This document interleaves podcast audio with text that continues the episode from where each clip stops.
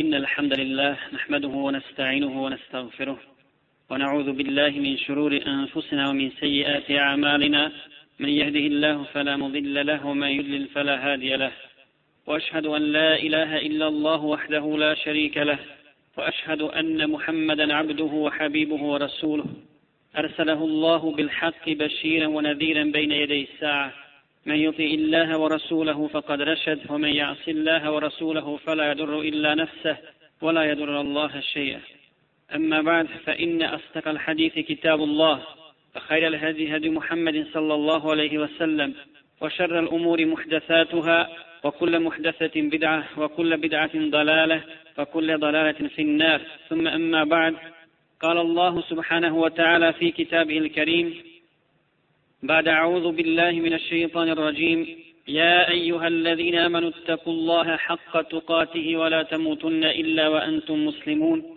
فقال يا أيها الذين آمنوا اتقوا الله وقولوا قولا سديدا يصلح لكم أعمالكم ويغفر لكم ذنوبكم فمن يطع الله ورسوله فقد فاز فوزا عظيما ثم أما بعد رقم moja برشو dragi vjernici, موتو او današnje naše hudbe jeste nekoliko hadisa poslanika Muhammeda sallallahu alaihi ve sellem o velikoj smutnji, neredu i fitnama i iskušenjima koja će snaći i zadesiti ovaj ummet. Nećemo spominjati ove hadise samo kao predznake sudnjega dana. Nije nam to cilj, već hoćemo da ukažemo na njihov ogroman uticaj, često puta negativan uticaj na život vjernika, na život muslimana, na njihovo nesnalaženje u okrilju ovih smutnji koje su zadesile danas umet Muhammeda sallallahu alaihi wasallam. Dakle, ti problemi i ta iskušenja su vraća tu, s nama i oko nas i oni traže rješenje. Kako se dakle pravilno postaviti u ovim teškim vremenima?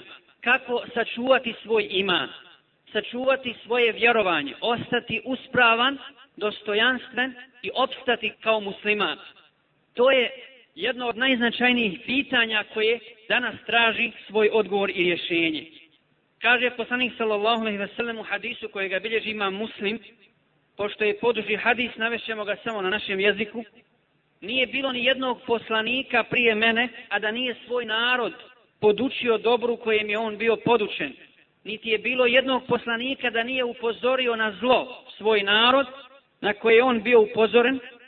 Što se tiče ovog vašeg ummeta, njegov prvi dio, odnosno njegove prve generacije su na hajru, one su spašene. A što se tiče posljednjih generacija ovoga ummeta, one će doživjeti velike belaje i velika iskušenja, velike fitne i smutnje, tako da kada dođe, kada zadesi jedna fitna, jedno od tih iskušenja, muslimana reći će, zbog njegove težine, ovo će me dokrajčiti. Ovo će me uništiti. Dakle, uništit će me u svakom pogledu. Nemam snage ni duhovne ni materijalne da se oduprem ovom iskušenju. Međutim, poslije njega, poslije nje će doći još veća fitna. Pa će on kazati, ovo će me, ovo će me dokrajčiti. Dakle, tako će se redati ta iskušenja jedna za drugim, sve gora od goreg i teža od težeg. Kaže poslana se na kraju, Pa ko želi da bude spašen od vatre i da bude uveden u džennet, neka ne dočeka smrt bez imana, dakle neka ne dočeka svoju smrt, a da nije vjernik u Allaha i sudnji dan. Zatim drugi hadis, koji ga bilježi imam Ahmed ibn Maže, od Enes radijallahu ta'ala, u kojem kaže poslanik sallallahu sallam, prije pojave Dejjala, prije pojave tog najvećeg smutljivca i najvećeg fitne na Dunjaluku, na koju su upozoravali svi Allahovi poslanici, bit će godine smutnje, odnosno godine obmane u kojima će se lažovima vjerovati, a iskreni će ljudi biti utjerivani u laž. Prevaranti će se smatrati povjerljivim, a povjerljivi ljudi prevarantima. U tom vremenu glavnu riječ će voditi, tako se izrazio poslan Selem Ruvej Bilba, Pa su upitali, a šta je to Ruvejbi da ja Rasulallah? Kaže, to su pokvarenjaci koji će govoriti u ime masa. Dakle, to neće biti mišljenje tih masa, ali će imati vlast i moć da nature svoje mišljenje tim masama i da ih na taj način obmanjuju i zavodi. Na osnovu ovih hadisa mi ćemo spomenuti, braćo, samo neke od tih smutnji koje su po mom mišljenju najveće i najopasnije I na kraju spomenut ćemo kako se sačuvati i spasti tih fitni. Prva od tih smutni koja je zadesila ovaj ummet jeste, braćo, okupacija islamskog svijeta, odnosno islamskih ili muslimanskih zemalja, muslimanske teritorije od strane nevjernika. Neprijatelji Allahove vjere su, braćo, danas okupirali jako mnogo muslimanskih zemalja. Okupirali su Afganistan, i u toj opustošenoj muslimanskoj zemlji izvršili su stravičan zločin nad muslimanima. Okupirali su muslimansku teritoriju da bi širili strah, da bi širili nered, nasilje, da bi napadali na čast i metak muslimana. I najgore vidove terora preživljavaju muslimani danas u Afganistanu, koji su kao i ranije prepušteni sami sebi. Zatim, Amerika je okupirala Irak i znamo kako je taj narod i prije okupacije, prije vojne intervencije živio u bjedi zbog sveopšeg embarga koji je bio udaren njihovoj vladi, odnosno muslimanima Iraka.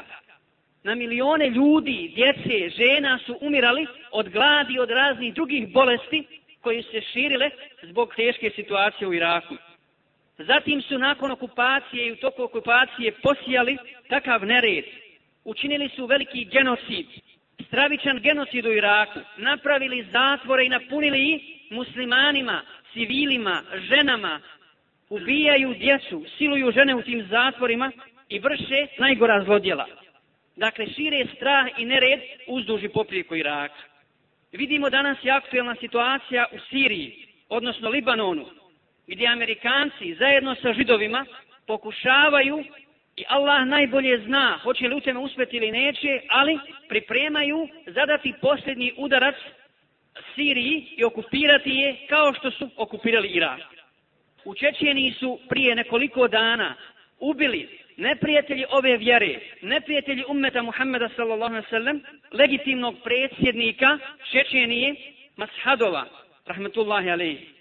I Rusi slave, Rusi slave ubistvo i objavljuju preko medija da su ubili još jednog teroristu, još jednog vođu terora i vođu terorizma na zemlji i da je zemlja se odmorila od još jednog teroriste i to vođe terorizma u Čečini. Pogledajte kako se obmanjuje svjetska javnost i kako narodu govore ruvejbide, kako narodu i masama govore u ime tih masa, i obmanjuje ih lažovi prevaranti, dok istom tom zemljom hodi i pogani je najljuća i najgora zvijer u ljudskom obličju, fašista i ubica Putin i ostali koji su njemu slični. Zatim, osim okupacije, teroriziranje muslimana na čitavoj planeti je sasvim jasno i vidljivo. To je teško stanje i situacija u kojoj se malo muslimana zna snaći. Valja se održati, valja sačuvati svoju vjeru valja ostati uspravan i dosljedan musliman. E zbog toga smo uzeli ovu temu. Evo spomenut ćemo ponovo suđenje u Hagu. Hag je najbolji primjer, braćo, skrnavljenja svih ljudskih prava. Najveći i najbolji primjer nepravde, nasilja, laži, licemjerstva i podvala. Znamo da se u Hagu sudi muslimanskim generalima, dakle odavde iz Bosne i Bošnjacima, čija optužnica, dakle, kao general armije, Rasim Delić je optužen za nekoliko, po nekim tačkama, sve te tačke njegove optužnice, zaista da nije žalosno, bilo bi smiješno i one su smiješne u odnosu samo na jedan zločin, na zločin jednog četnika koji se zvao Erdemović, koji je priznao da je ubio 70 muslimana, priznao da je ubio 70 muslimana, da je silovao muslimanke, da je izvršio takav zločin. Dakle, kompletna optužnica Rasima Delića kao generala i komadanta armije Bosne i Hercegovine je smiješna u odnosu samo na taj jedan zločin. A taj zločinac je dobio za kompletan taj zločin pet godina zatvora. Zatim, da zaista oni vole pravdu, da je podržavaju i da žele da šire pravdu na svijetu, sigurno bi taj hag, odnosno ta farsa i cirkus u hagu do sada sudio i doveo pred lice pravde prije svega predstavnike međunarodne zajednice, generale Ujedinjenih nacija, dakle Ujedinjene nacije i njihove predstavnike koji su na očigled čitavog svijeta svezali ruke jednom narodu da se ne može braniti. Druga stvar, oni su kad su došli ovdje sa svojim snagama, sa svojom tehnikom, sa svojim tenkovima i avijacijom, posmatrali zločin ustaško-četnički, gledali ga svojim očima, ali ništa nisu poduzimali da to spriječi. Zatim, njihovi generali su učestvovali u zločinu. Silovali su muslimanke poput onog zločinca Mekenzija i ostali. Oni bi trebali da odgovaraju, prije svih. A ne oni koji su se branili, da bi odbranili svoju čast, svoju slobodu, kad su bili prepušteni sami sebi. Samo u Sarajevu je poginulo 1700 djece. Samo u Sarajevu je ostalo 10.000 invalida djeci. Da ne govorimo o drugim gradovima. Da ne govorimo o kompletnom zločinu i nasilju koji se počinilo ovdje. O etničkom čišćenju. I pogledajte zbog kakvih izmišljenih zločina i zlodjela sada muslimanski general odlazi u Hag i treba da mu se sudi. Treba da im se sudi zbog toga što su oni nagradili zločin četnički. Nagradili ga državom dali im državu zbog toga što su poklali i poubijali i protjerali muslimane sa njihovi ognjišta. Dakle, četnici i de facto i de jure imaju svoju državu unutar Bosne i Hercegovine. Također i Hrvati, odnosno Ustaše, imaju je de facto, samo još u papirima to nije još protokolisano. Zatim, mogli bi danima nabrajati sve te fitne iskušenja, da ne govorimo o nemoralu, koji je zahvatio naše kuće, naše porodice, naše škole i sve ostale institucije. Jednostavno, danas, braćo, muslimanski život, muslimanska krv, čast i metak ne znači jednostavno ništa. I zbog toga nevjernici, kada brani svoj zločin, koji prije svega ne priznaju da je zločin, i kad izvrše zločin, kažu to je zbog terorizma islamskog. Oni su izmislili sebi jak alibi. Islamski terorizam je na djelu on sije krv i nered na zemaljskoj kugli i treba ga spriječiti. Svim mogućim sredstvima i svim mogućim snagama. Pitanje koje se postavlja, braćo, jeste pred svakog muslimana kako se, dakle, sačuvati? Kako sačuvati svoju vjeru i svoj iman? I kako svjetla obraza otići sa ovog dunjaluka? Kako kao vjernik preseliti? Kako očuvati sebe, svoju porodicu i naš džemat, odnosno naš umet? Ja ću spomenuti neke stvari koje dobro moramo zapamtiti i koje nam uvijek moraju biti na umu. Prva i glavna stvar koja će nam sigurno pomoći da ostanemo uspravni, malo kako je se smutnije o kakvim iskušenjima se radilo, sigurno će vjernik ako uzme ove stvari, odnosno ovaj lijek i pouke iz ovih kuranskih ajta i ovih poruka naše hutbe, ostati dostojanstveni uspravan. Prvo je dakle slijedjenje Kur'ana i sunnata poslanika sallallahu alaihi wa sallam. Kaže Allah će na ređi svom poslaniku, a samim tim i ljubima sahabima i cjelokupnom umetu do sudnjeg dana, فَسْتَمْسِكْ بِلَّذِي وَحِيَ إِلَيْكَ إِنَّكَ عَلَى سِرَاتِ مُسْتَقِيمِ Ti se čvrsto drži onoga što ti se objavljuje. Ma kakva situacija bila. Zašto? Zato što si ti na pravom putu. Ti si Allahov poslanik. Ti slijediš Allahovu objavu. Dakle, mi kao muslimani, braćo, imamo nebesku vezu. Imamo direktnu vezu sa našim gospodarom naš kompletan život treba da bude uređen po Kur'anu, po Allahovoj objavi. Naša kompletna kultura i filozofija života treba da bude zatemeljena i uređena upravo po Allahovoj objavi. To nema niko. S tim se ne može niko pohvaliti. Poslanik sa veselem kaže Terektukum alel bejda Lejluha keneharija La jazigu anha illa hali Ja vas ostavljam na bijeloj stazi čije su noći bijele kao i dane neće napustiti osim onaj koji je stradao, koji je sam sebe upropastio. I ovo, braće, nisu obične proklamacije. Ovo nije neka lažna utjeha. Dakle, mi govorimo o Kur'anu i sunnetu poslanika sa sellem kao o najčvršćem užetu. To je Allahovo uže i veza koju ko bude slijedio i ko se za njom bude uhvatio, sigurno će uspjeti na ovom i na budućem svijetu. Dakle, kad budemo sjedili Kur'an i sunnet i onaj ko je shvatio Allahovu objavu i poruku Islama, neće nikada upasti u malodušnost neće nikada doživjeti očaj pa da ne zna šta će od sebe. Pa da ne do Allah skrene sa puta Islama. Zbog toga što je mnoštvo kufra. Zbog toga što je situacija teška i ekonomska i svaka druga za muslimane. Dakle, neće nikada pokleknuti, neće nikada osjetiti kompleks niže vrijednosti zbog toga što je on ugrožen kao musliman. Tako mi Allaha kada bi sam bio, kada bi sam bio u državi koja je ispunjena kufrom i nemoralom, kao što je danas sva planeta ispunjena time musliman bi bio ponosan, dostojanstven i bio bi širokih prsa, visoka čela bi hodao. Zašto? Zato što zna da slijedi istinu. Poslanici Allahovi, kao što je Ibrahim a.s. je prkosio svom narodu sa istinom i nije se bojao u ime Allaha ničijeg prijekora. Nije očajavao zbog toga što je bio sam. Ne, naprotiv, u svim mogućim bitkama, bitkama sa dokazima, izlazio kao pobjednik. I Allah je ostavio lijep spomen i na kraju su pobjedili poslanici. Dakle, slijedi Kur'ana i sunneta podrazumijeva braćo trud, ulaganje truda, aktivnost, učenje, planiranje i tako dalje.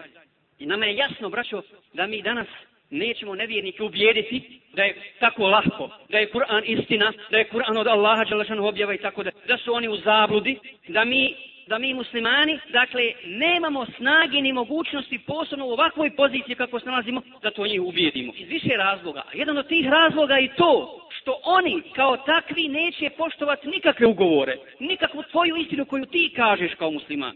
Ni ugovore, ni bilo kakve veze neće poštivati. To Allah Želešanu nas obavještava o tome. Međutim, braćo, mi govorimo o bitnosti vjere. Zašto? Zato što znamo da naš opstanak ili nestanak ne zavisi od nevjernika, ni od kršćana, ni od židova, ni od bilo koga drugog. Nego zavisi od Allaha subhanahu wa ta'ala. Zavisi od gospodara svjetova. On upravlja životom i smrti. On daje ponos kome hoće. Uzdiže koga hoće, a ponižava koga hoće. Dakle, ako se budemo vezali za Allahovu uže, za Allahovu vjeru, i ako budemo iskoristili naše potencijale i oslonimo se na Allaha subhanahu wa ta'ala, nevjernici nam ne mogu nauditi, osim illa eda, osim što nas mogu ezijetiti. Ništa nam više ne mogu nauditi. Međutim, ako se ostavi vjera zbog toga što neki muslimanski intelektualci smatraju da islam nije za ovo vrijeme, za ovo doba, pa se mnoge mase povedu za njima, onda ćemo biti prepušteni sami sebi i ostavljeni na milost i nemilost našim neprijateljima. Druga stvar, braćo, koja će nam pomoći da se očuvamo i održimo, inša Allah, svakako je znanje. Znanje, a prije svega znanje o vjeri, poznavanje islamske akide, kaže Allah subhanahu wa ta'ala innama jahša Allahe min ibadihi al ulema. Od Allaha se najviše boje njegovi robovi, oni koji znaju, dakle koji su učeni, koji poznaju vjeru.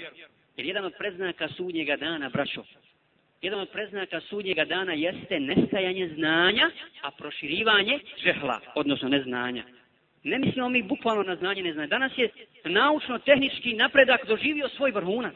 Međutim, poznavanje istine, suštine života, cilja ljudskog života i bitisanja i postoja na ovoj zemlji. To je važno i bitno. A evo dokaza za to da čovjek, makoliki intelektualac bio, ako ne zna akidu, ako ne zna za svoga gospodara, ako ne zna komu je gospodar i zašto je stvoren, sljedeće raznorazne druge zablude.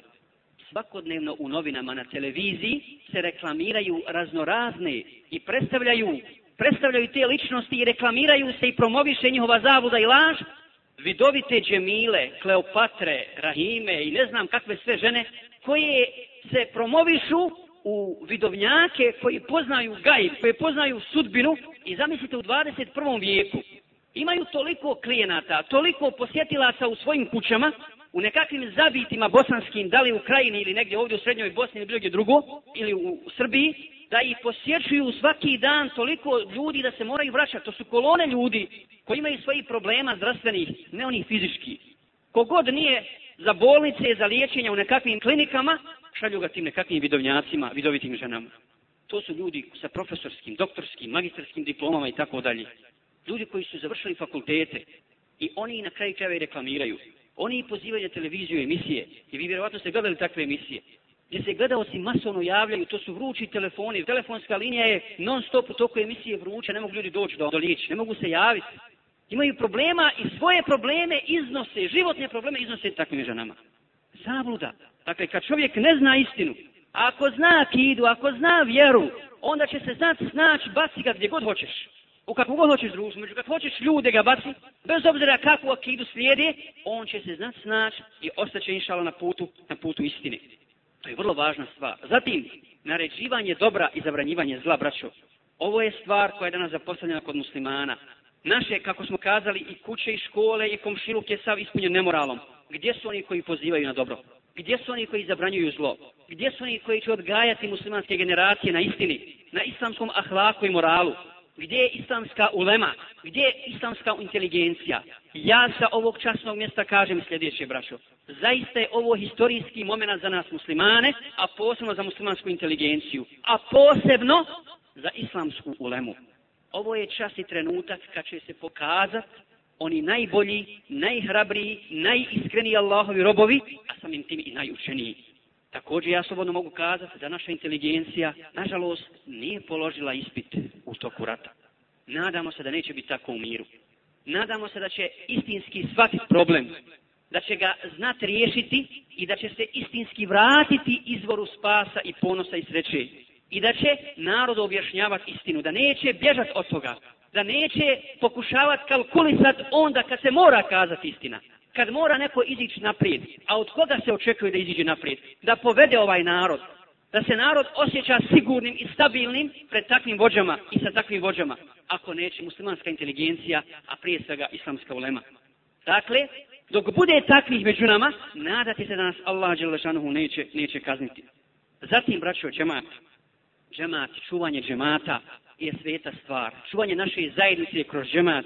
Allah subhanahu wa ta'ala naredi poslaniku sallallahu sallam i kaže وَصْبِرْ نَفْسَكَ مَعَ الَّذِينَ يَدْعُونَ رَبَّكَ يَدْعُونَ رَبَّهُ بِلَغَدَاتِ وَلَعَشِي يُرِيدُونَ وَجْهَ Budi strpljiv uz one koji svoga gospodara mole, koji se samo njemu obraćaju jutrom i večerom želeći njegovo lice, njegovo zadovoljstvo.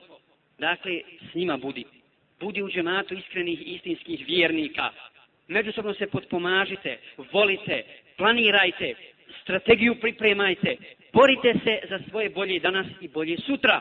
Ne dozvolite da vas nevjerici obmanjuju. Ne budite kukavice. Ne budite izdajnici islamske ideje kad znate da ste na istini. I ne izdajite ljude koji slijede istinu samo zato što su danas poniženi i što su potlačeni na zemlji. Jer ćete doći pred Allah i odgovarati za to. Dakle, to je spas za pojedinca. Allaha mi ne može bez toga. Bez žemata, bez čvrstih i jakih redova, kao bedem neprobojni, muslimani neće uspjeti. Neće se spasti sigurno, makoliko dovitljivi bili, makoliko kalkulisali, makoliko se nisko spuštali i izdavali, samo radi svog komoditeta i svog nekakvog presporiteta na, na Dunjaluku, izdavali uzvišne ideje. Ni pojedinačne, ni kolektivne sreće nema bez toga. Dakle, međusobno razumijevanje, pomaganje, podrška, opraštanje, nasihat i sve ono što od nas traži islam. I na kraju, sabr, odnosno strpljivo podnošenje svih i tih iskušenja, ako imamo sve ove stvari, ako smo razumijeli Kur'an i sunet i slijedimo ga, ako se istinski na Allaha oslanjamo, ako živimo u džematu i volimo se kao braća muslimani, praštamo jednim drugima i pomažemo se, imamo se na koga osloniti, onda će nam lahko biti inšala i saburat. Onda imamo zašto saburat. Saburamo zbog naše sreće, sreće naših potomaka i na dunjalu i nas i sami i na dunjalu i na ahiretu. Allah subhanahu wa ta'ala kaže Ja ayuha alladhina amanu sabiru wasabiru warabitu wattaqullaha la'allakum tuflihun. O vjernici budite strpljivi i izdržljivi i na granicama Allahove vjere i na granicama Allahovog šerijata bdite i bojte se Allaha ako želite biti spašeni. Poslanik sallallahu alejhi ve sellem, dakle to je smisao vjere i smisao života na dunjaluku. Prolazeći pored porodice Jasirove, kaže kad su ih mučili mušrici, na najgore muke ih stavljali, nailazi pored njih i kaže im, sabren ale Jasir, innama vajdakumul džennet, Strpite se porodice Jasirova. Vaše mjesto je u džennetu. To je naš cilj. Nije obećao nikakve titule na Dunjaluku. Nikakvu vlast. Nikakvu vlast. Nikakve ministarske fotelje. Obećao im je džennet. A samim tim, kad pobjedi istina ako mi to doživimo, i sreću na Dunjaluku. Ali džennet je bitan, jer je on vječan. Odnosno, vječnost je bitna. Ahiret je bitan, koji je u znaku dvoje dženneta ili džehennema. Sačuva nas Allah od džehennema.